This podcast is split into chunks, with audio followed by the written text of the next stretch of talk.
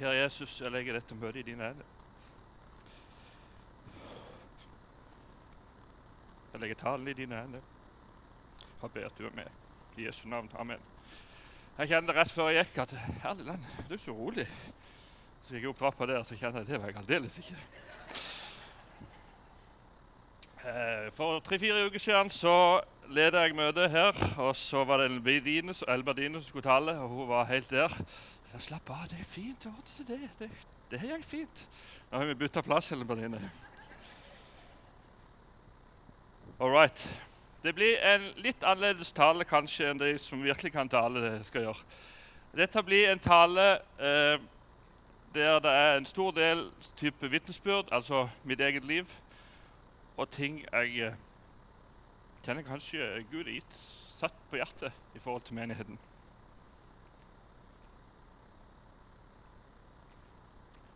Bønnen, eller talen, eller overteksten for talen jeg har satt tro, bønn og tro på Herren. Og så jeg har satt temaet som jeg håper og tror vi kommer innom, i forhold til dette med bønn, bønnesvar, tilbedelse og overgivelse. At vi overgir oss til Gud.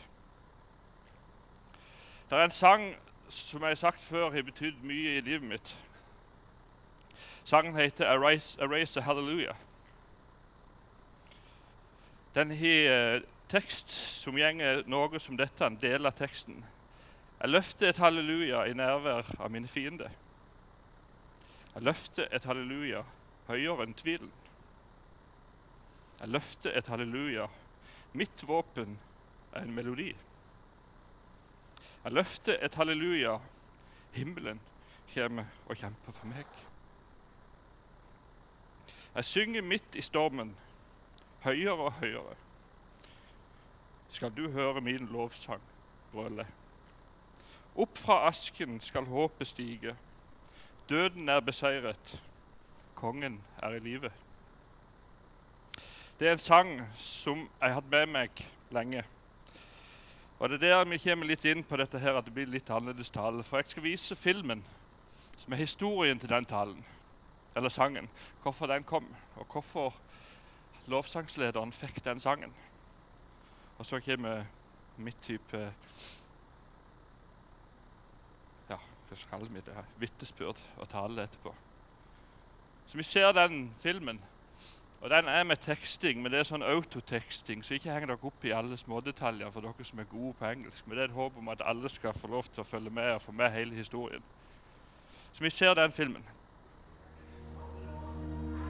We got the news that he was in extremely serious condition, and it just went from worse to worse. in about a 12 hour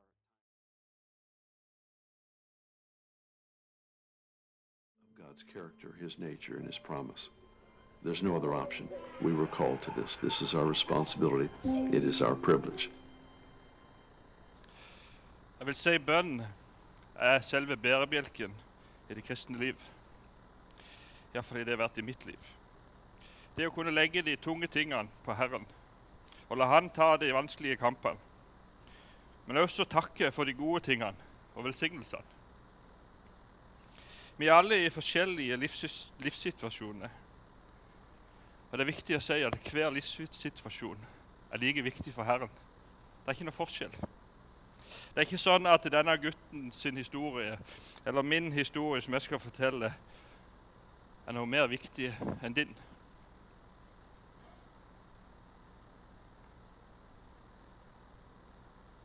Det er derfor viktig å si at måten du ber på, eller at du ber, hvordan du ber, det er ikke noe rett og galt. Det er ingen som må komme og si at du kan ikke be på den måten, eller du kan ikke gjøre det sånn. For det er din, det er din linje. Det er din måte å prate med Gud på. Det er kjærligheten bak bønnen og Jesus og din connection. Er der det ligger. Et eksempel fra mitt liv. Jeg fortalte før for lenge siden. Meg og Barbro sleit med å få unge. Vi prøvde i to og et halvt år. Før vi ble besigna med fadder Cassandra og etterpå Mathias. I et av disse årene så ba jeg om mitt egoistiske ønske om å bli oppfylt. At vi skulle få barn. Det å få barn er ikke en menneskerett. Det er mer et mirakel. Et halvt år før eh, Et halvt år før Barbro ble gravid, så ble Audi og Øyvind gravide med Simon. Når den beskjeden kom, så var det som å få et slag midt i trynet. Kommer meg? Jeg er jo, jeg er jo bedt. Hva med meg? Etter en god stund så begynte jeg å kjenne på frustrasjonen av at jeg ikke gleda meg over, over, graviditeten til Øyvind Audi. Og, og, i det så begynte bønnen å forandre seg. For min, bønn, min bønn hadde vært Kjære Jesus, hjelp oss til å bli gravide. Min, min drøm. Så jeg kan over til at Kjære Jesus, hjelp meg og glede meg over Audi at hun er gravid. Ikke lenge før Simonen kom til verden, så ble Barbro gravid. Hvem som helst kan si at ja, men det er tilfeldigheter. Og jeg kan ikke bevise noe annet. Men min tro og min kjennskap til Jesus er at det var et bønnesvar. At Jesus ga meg det jeg hadde bedt over. Men hjertet mitt hadde snudd. Det tror jeg òg gjelder her i menigheten. Jeg tror at denne menigheten skal oppleve store ting. Jeg tror at store ting skal skje i denne menigheten, og jeg tror at ting er allerede begynt. Men det er viktig at vi har fokuset på Gud. At vi stender nærme Gud.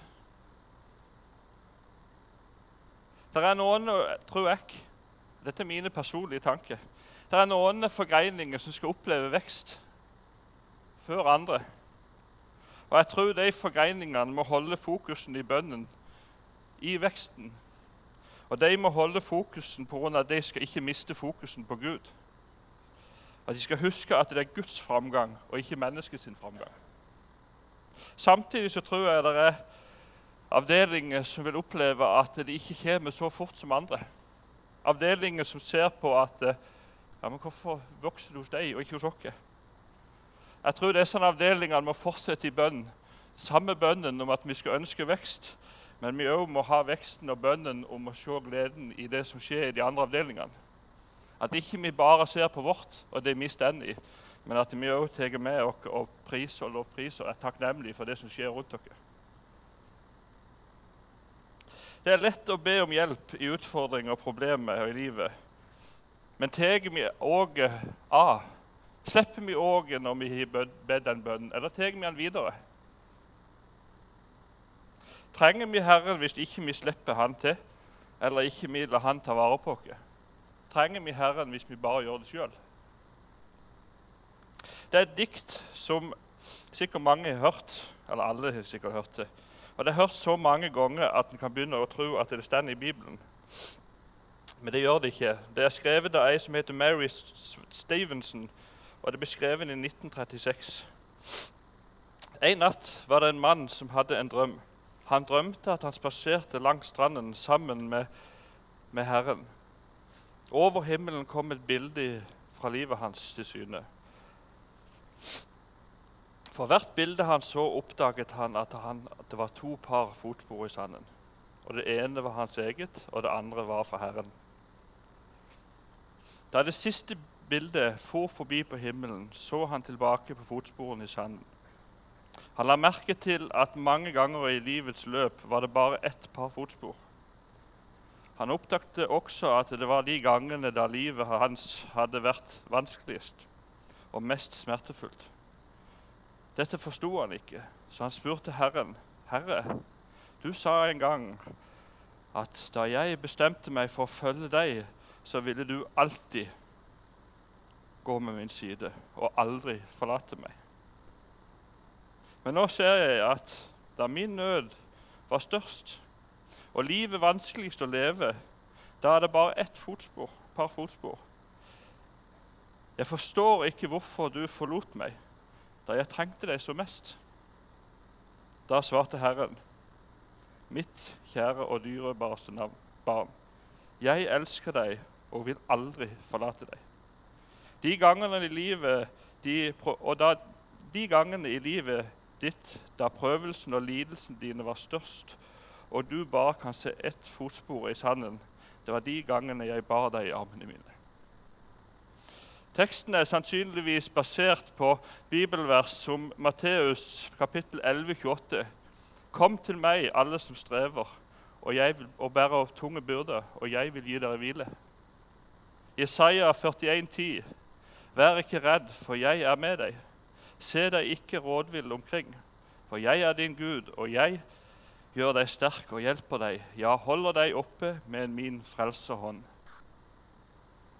Det er sånne bibelvers som har store betydninger i mitt liv. Det er mange ganger jeg har tenkt at jeg ikke kan be, eller at jeg,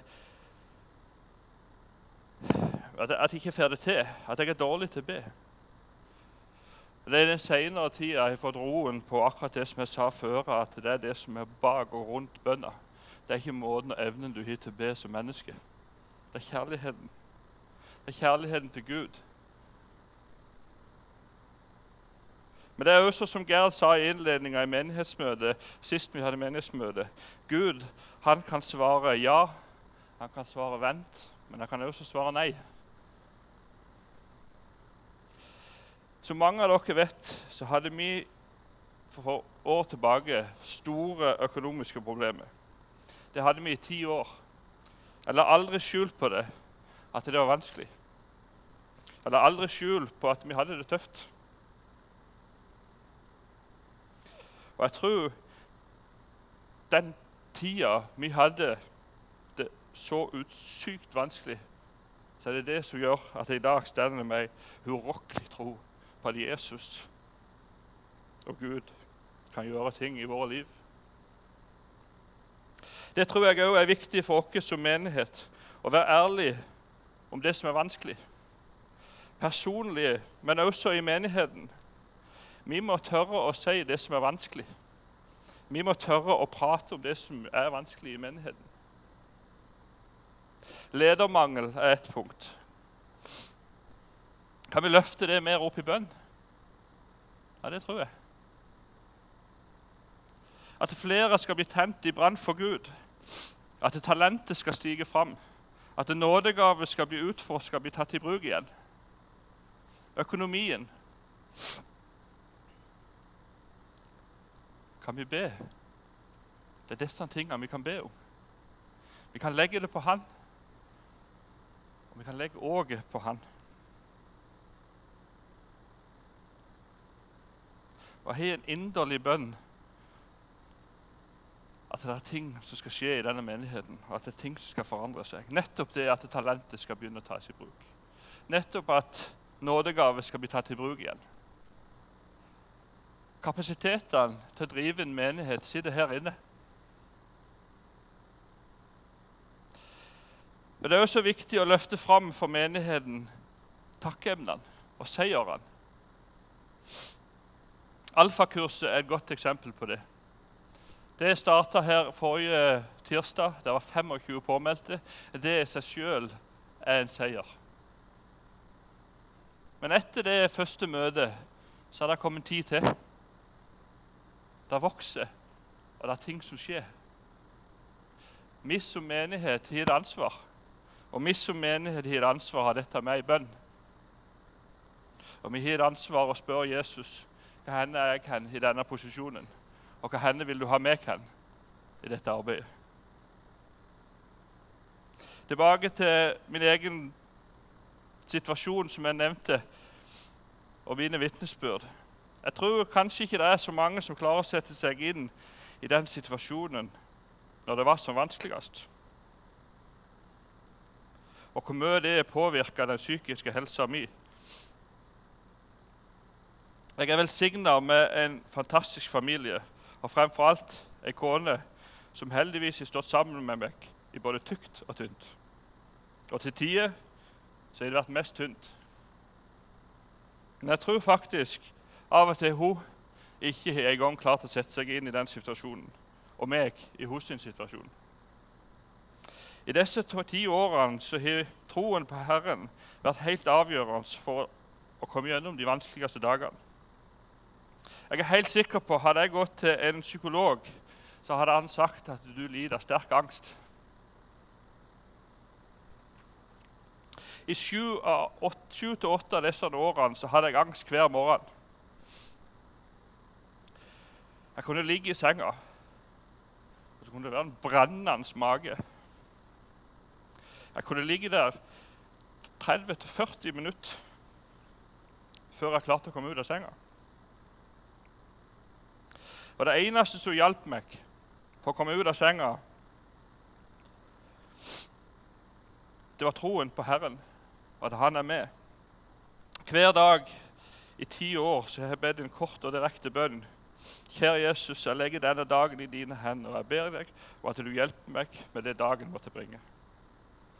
Utallige morgener har jeg måttet be denne bønnen én, to, tre og fem ganger før jeg klarte å gå ut. Før jeg klarte å reise meg og ta dagen med det han måtte bringe.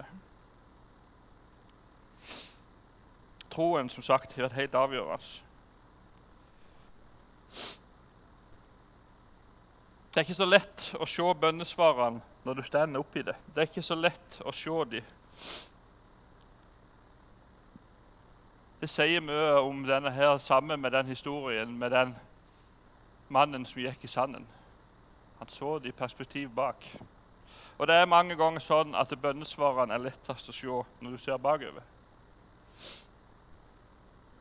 For fem år siden så kjente jeg at nå har livet herja så hardt at jeg møtte den berømmelige veggen. Den hadde jeg her. Jeg kunne lese mail. Og når jeg leste mailen, det trengte ikke være lange mail, det kunne være to setninger. Så kunne jeg ikke huske det. Jeg kunne legge ned PC-en, og så husker jeg ikke hva jeg hadde lest. Husker ingenting av det. Jeg kunne få beskjed, og så husker jeg ingenting. Jeg visste ikke hva de hadde sagt.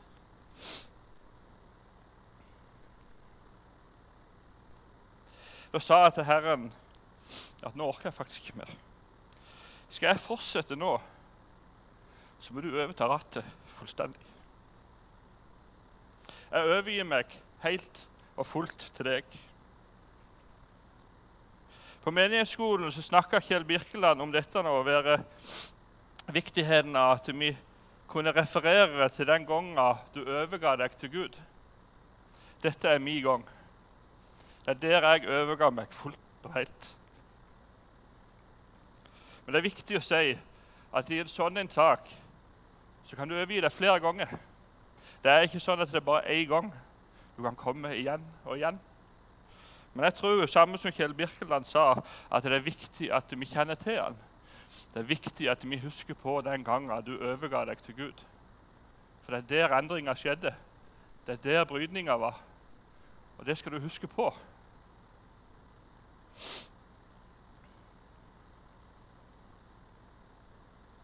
I mitt liv igjen, tilbake til det, så sa jeg til Gud at nå må du ordne regningene og du, ta, du må ta deg av økonomien. Det er ikke sånn at jeg slutter å betale regninger. Vi er ikke der. Det er ikke sånn at en slipper rattet og tenker at nå kjører han bilen. Selv om at nå kan jo bilene faktisk gjøre det. Men jeg la bekymringene på han, og så fortsatte jeg å jobbe. Og det gjør Hver dag så fortsetter en å jobbe. For det er det en kan gjøre. Men bekymringene de hører hjemme hos Herren. Jeg kasta åget som har vært alle de årene, og lagt det på han. I den samme tida som jeg var i da for fem år siden, så søkte Risa etter en formann på veivedlikehold. Jeg hadde vært inne der i mange år og kjente de godt. Og Jeg så dette som kanskje en ny mulighet i forhold til å få fast, ha det fast, ikke ha noe som, inntekt som kommer og går. Og Da begynte bønnen, og den, den er som Skal vi se Ja. I den tida når det var, så begynte jeg å be, og så ba jeg kjære Jesus, hvis jeg får det, så skal jeg gjøre. Den er vel kanskje kjent for oss alle. At hvis jeg får det, ja, da skal jeg gjøre det. Jeg gjorde det. Jeg falt i den gruva og gjorde det. Men Jesus svarte meg allikevel, og jeg fikk den jobben. Det som har vært moro med det, og en oppbyggelse med det, er at han har gitt meg muligheter til å vitne om Jesus, både i arbeid og situasjoner. Og jeg har fått styrken til å ta de mulighetene og bekjenne min tro når jeg er på jobb. Og det har vært en oppbyggelse å se den respekten du får av å bekjenne. Det å si at ja, jeg tilhører Jesus. Når de da kommer til meg og sier ja, men du har jo spesielle kontakter, kan ikke du be om litt fint vær? Jo, sannelig skal jeg be om fint vær. Det er ikke alltid det blir fint vær, men de vet at er bra iallfall. For det er sånn at folk som ikke er kristne, er likevel søkende. Jeg fikk den jobben, og de som kjenner meg, kjenner at ting gikk veldig fort etter det.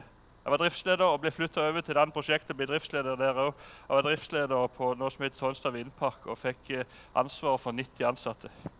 Det var en jobb til 400 millioner og hadde driftsansvaret for den sammen med en ledergruppe. På det prosjektet så var det opptil 600 personer som jobbet i tida som prosjektet pågikk. Jeg merka at Gud hadde satt meg i en posisjon der han skulle være en forskjell. Og som sagt så brukte jeg de sjansene en fikk. Da jeg var i Saronsdal for tre år siden, så sa, hadde Egil Svartdal et møte. Da spurte han nok alle i salen om at de som var på jobb, hvis de ønska å være en forskjell når de var på jobb, så skulle de reise seg, og så skulle han be for dem. Jeg reiste meg. Det skjedde ikke noe der og da. Men jeg gikk ut av rekka, og møtet var slutt, så kom jeg ut av rekka, og så er det en som tar meg på skuldra.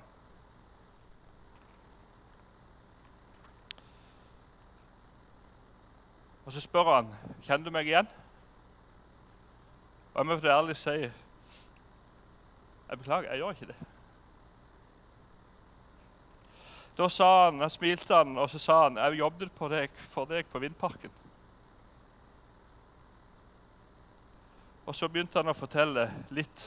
At han hadde vært der i to uker, og kun to uker. Og så kom det til meg. Ja, herlig land, det er jo deg, Terje. Ikke sant? Da kom det. Da sier han til meg at jeg kjente det var noe helt spesielt når du ringte. Jeg kjente at det var noe helt spesielt når du ringte og sa at jeg skulle være med og jobbe på Vindbergparken. For der var det sånn at jeg får utdelt et, på en mail et Excel-ark, de som skal på de forskjellige prosjektene. Og så er det de som har ansvaret for driftsansvaret på prosjektene, som må ringe til de, ansatte, de som skal komme på det prosjektet og fortelle hva de skal gjøre og hva de skal møte. og sånn hen. Det var min oppgave. Og da sa han det var noe helt spesielt når du ringte. Det var en ro rundt det, sa han. Og du har noe spesielt med det, sa han. Og når jeg var på de to ukene i vindparken, så kjente jeg at det var et nærvær der som jeg aldri har opplevd. Da kunne jeg si til han at det var ikke bare meg som var kristen på det prosjektet. Prosjektlederen, stikningsingeniøren og anleggslederen var også kristne. Og vi var samla enige om at vi ønska å være en forskjell der vi var. At vi ønska å være en forskjell og en lys i hverdagen. Det er viktig for meg å si at dette sier jeg ikke for å fremheve meg sjøl. Heller tvert imot. Som det står i Johannes 3, kapittel, vers, kapittel 3 og vers 30. Han skal vokse, og jeg skal avta. All ære til Herren for den jobb og framtidsutsiktene vi nå har personlig. Barbro føler at hun har fått svar i det med å være imot og med ungdommene. Etter denne overgivelsen så har det vært mer klart for meg det å kunne se på, på bønnesvarene bak. Se når bønnesvarene kommer, og kjenne det igjen. Kjenne det igjen at nå er det noe. Jeg kunne i en periode da, etter den overgivelsen og fram til liksom det løste seg, begynte å løse seg på økonomien, så kunne jeg kjenne at nå kommer det noe. Nå kommer det noe. Nå kommer det noe drit igjen. Når du hadde vært i den situasjonen som vi var, så hadde en ikke oversikten, hadde ikke kontrollen på økonomien. 100% Som igjen gjorde at når du fikk vann over hodet, så kom det en midt på sida som du ikke hadde tenkt på, som gjorde at du datt rett ned igjen. Men jeg kunne kjenne at bønnesvarene kom i forkant. Det var gode ting som skjedde rundt meg. Ting skjedde som gjorde at jeg fikk styrke til å stå i det som var. Det samme opplevde jeg her når vi hadde det møtet som jeg refererer til når Elberdine talte. Da leder jeg, og så sa jeg her fra talerstolen akkurat nå så føler jeg kampene er større enn seierne. Rett etterpå så synger de 'I raise a hallelujah'. Det er den sangen som bygger meg opp. Da hadde jeg fått mailen fra Gordon som sa at vi har 185 000 i minus. Og det er der Herren tar meg. Det er på økonomien. Jeg beklager ikke Herren. Den vonde tar meg. Det er der han gir meg motstand. Det er der han kan ta og sette meg ut. Og så kommer jeg på møte, og så får jeg et bønnesvar med en sang. Det er viktig å takke. Det er viktig å takke i bønn. Før så hadde jeg en barnslig tankegang om dette med å takke. Det er sånn søndagsskoletankegang med at vi måtte passe på å ha takken og bønnen i likevekta, sånn at du hadde regnskapet rent, at du kunne ikke be om mer før du hadde takka nok. Men vi vet jo at det er ikke sånn. Men det er viktig å være takknemlig, og det er viktig å takke. Det er viktig å være, se velsignelsene. For det er det som gjør at vi får den kjærligheten vi trenger.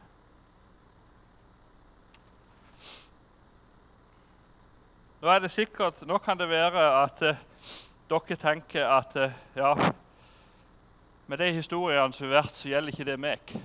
For jeg har ikke vært så langt økonomisk vekke nede, nede. Og jeg har heller ikke opplevd det som de sa her på filmen i forhold til at eh, en gutt som er i ferd med å dø. Jeg har ikke hatt de opplevelsene. Jeg har ikke vært der. Men det er da det er viktig å si at det er ingen bønn eller behov som er for små for Herren.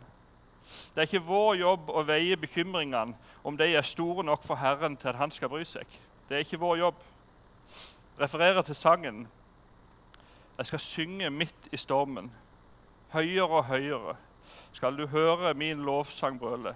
Opp fra asken skal håp stige. Døden er beseiret, kongen er i live. Hva er det som er din storm i livet? Er det store stormer eller er det små stormer i ditt liv? Eller er det ingen stormer i det hele tatt? Er det helt stille? Uansett så ønsker Herren kontakt. Herren ønsker nærvær med deg. Vi er satt som menighet at vi ønsker å ha overteksten nærmere Gud. Og den skal vi holde høyt på. Vi skal holde oss nærme Gud og vi skal legge alt fram for Gud. Johannes 3, 16. For så høyt har Gud elsket verden, at han ga sin sønn den enbårne, for hver av dem som tror på Han, ikke skal gå fortapt, men ha evig liv. Han ofra sin sønn for deg og meg. Det er tydelig og klar handling på akkurat du er viktig. Og Jeg tror det er viktig i de tidene vi gjør stender nå som menighet, men også som enkeltpersoner, at vi kommer til Herren med alt det som vi bærer på av stort og smått. At vi heller fokusen på Herren og hører hva Han har å si til oss. Det er mange uromomenter i livene våre med tidsklemme, Internett, press fra omverdenen og ellers ting som skjer. Det er mye som kan ta vår oppmerksomhet. Men vi må holde oss nær Gud, og vi må se Hans ansikt. Lovsangslederen som skrev denne sangen, fikk en melding fra faren eller foreldrene at de ikke var sikre på om Jackson ville overleve natta. Det var som en kjempe med tvil kom over ham. Og Det var da sangen kom, 'A Race to Hallelujah'. Og det var da han kjente at uh, kjempen som hadde angrepet han, skulle angre på at han hadde pekt sverdet på Jackson. For vi har en himmel som kjemper for oss. Så hva er det du kan løfte opp til han? Er det skolevalg? Er det familie? Er det sykdom? Eller er det bekymring ikke du klarer å sette ord på? Løft det opp til Herren. Jeg ber om at dette vil være en dag der du oppriktig klarer å legge tingene framfor Herren. Og hvile i trua på at Han tar deg. Hvile i trua på at han tar problemene dine. En doktor som har jobba i det offentlige, sa en gang til Ludvig Carlsen, som starta Evangeliesenteret Jeg kan ikke si det, for jeg har ikke lov. Men jeg tror det eneste som er det sikre medisin for en alkoholiker, det er å ta imot Jesus og bli frelst. For da er det Jesus som tar det på seg. Og det tror jeg oppriktig på. Men jeg tror òg at Guden vår er så enkel, som de sa her på et vitnemøte for ikke så lenge siden. Der vi kan be for hun ba for kua, for det var et problem. Men jeg tror vår Gud er så enkel at de små tingene du har i livet, kan du be for. Og du kan legge det på Han, og du kan legge det fram. For det er sånn Gud er. Han måler ikke størrelsen på de tingene vi legger fram.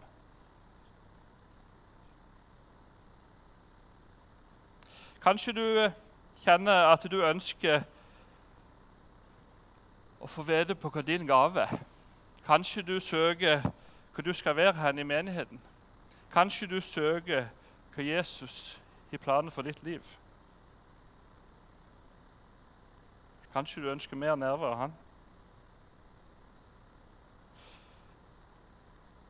Ønsker at vi legger det fram for Herren. Akkurat du er viktig for Herren. Herrens kjærlighet er lik for alle, konge som tjener. Efeserne 3, vers 14-21.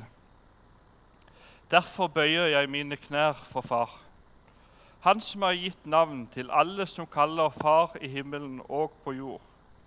Må Han som er rik på herlighet, gi dere indre menneske kraft og styrke ved sin ånd.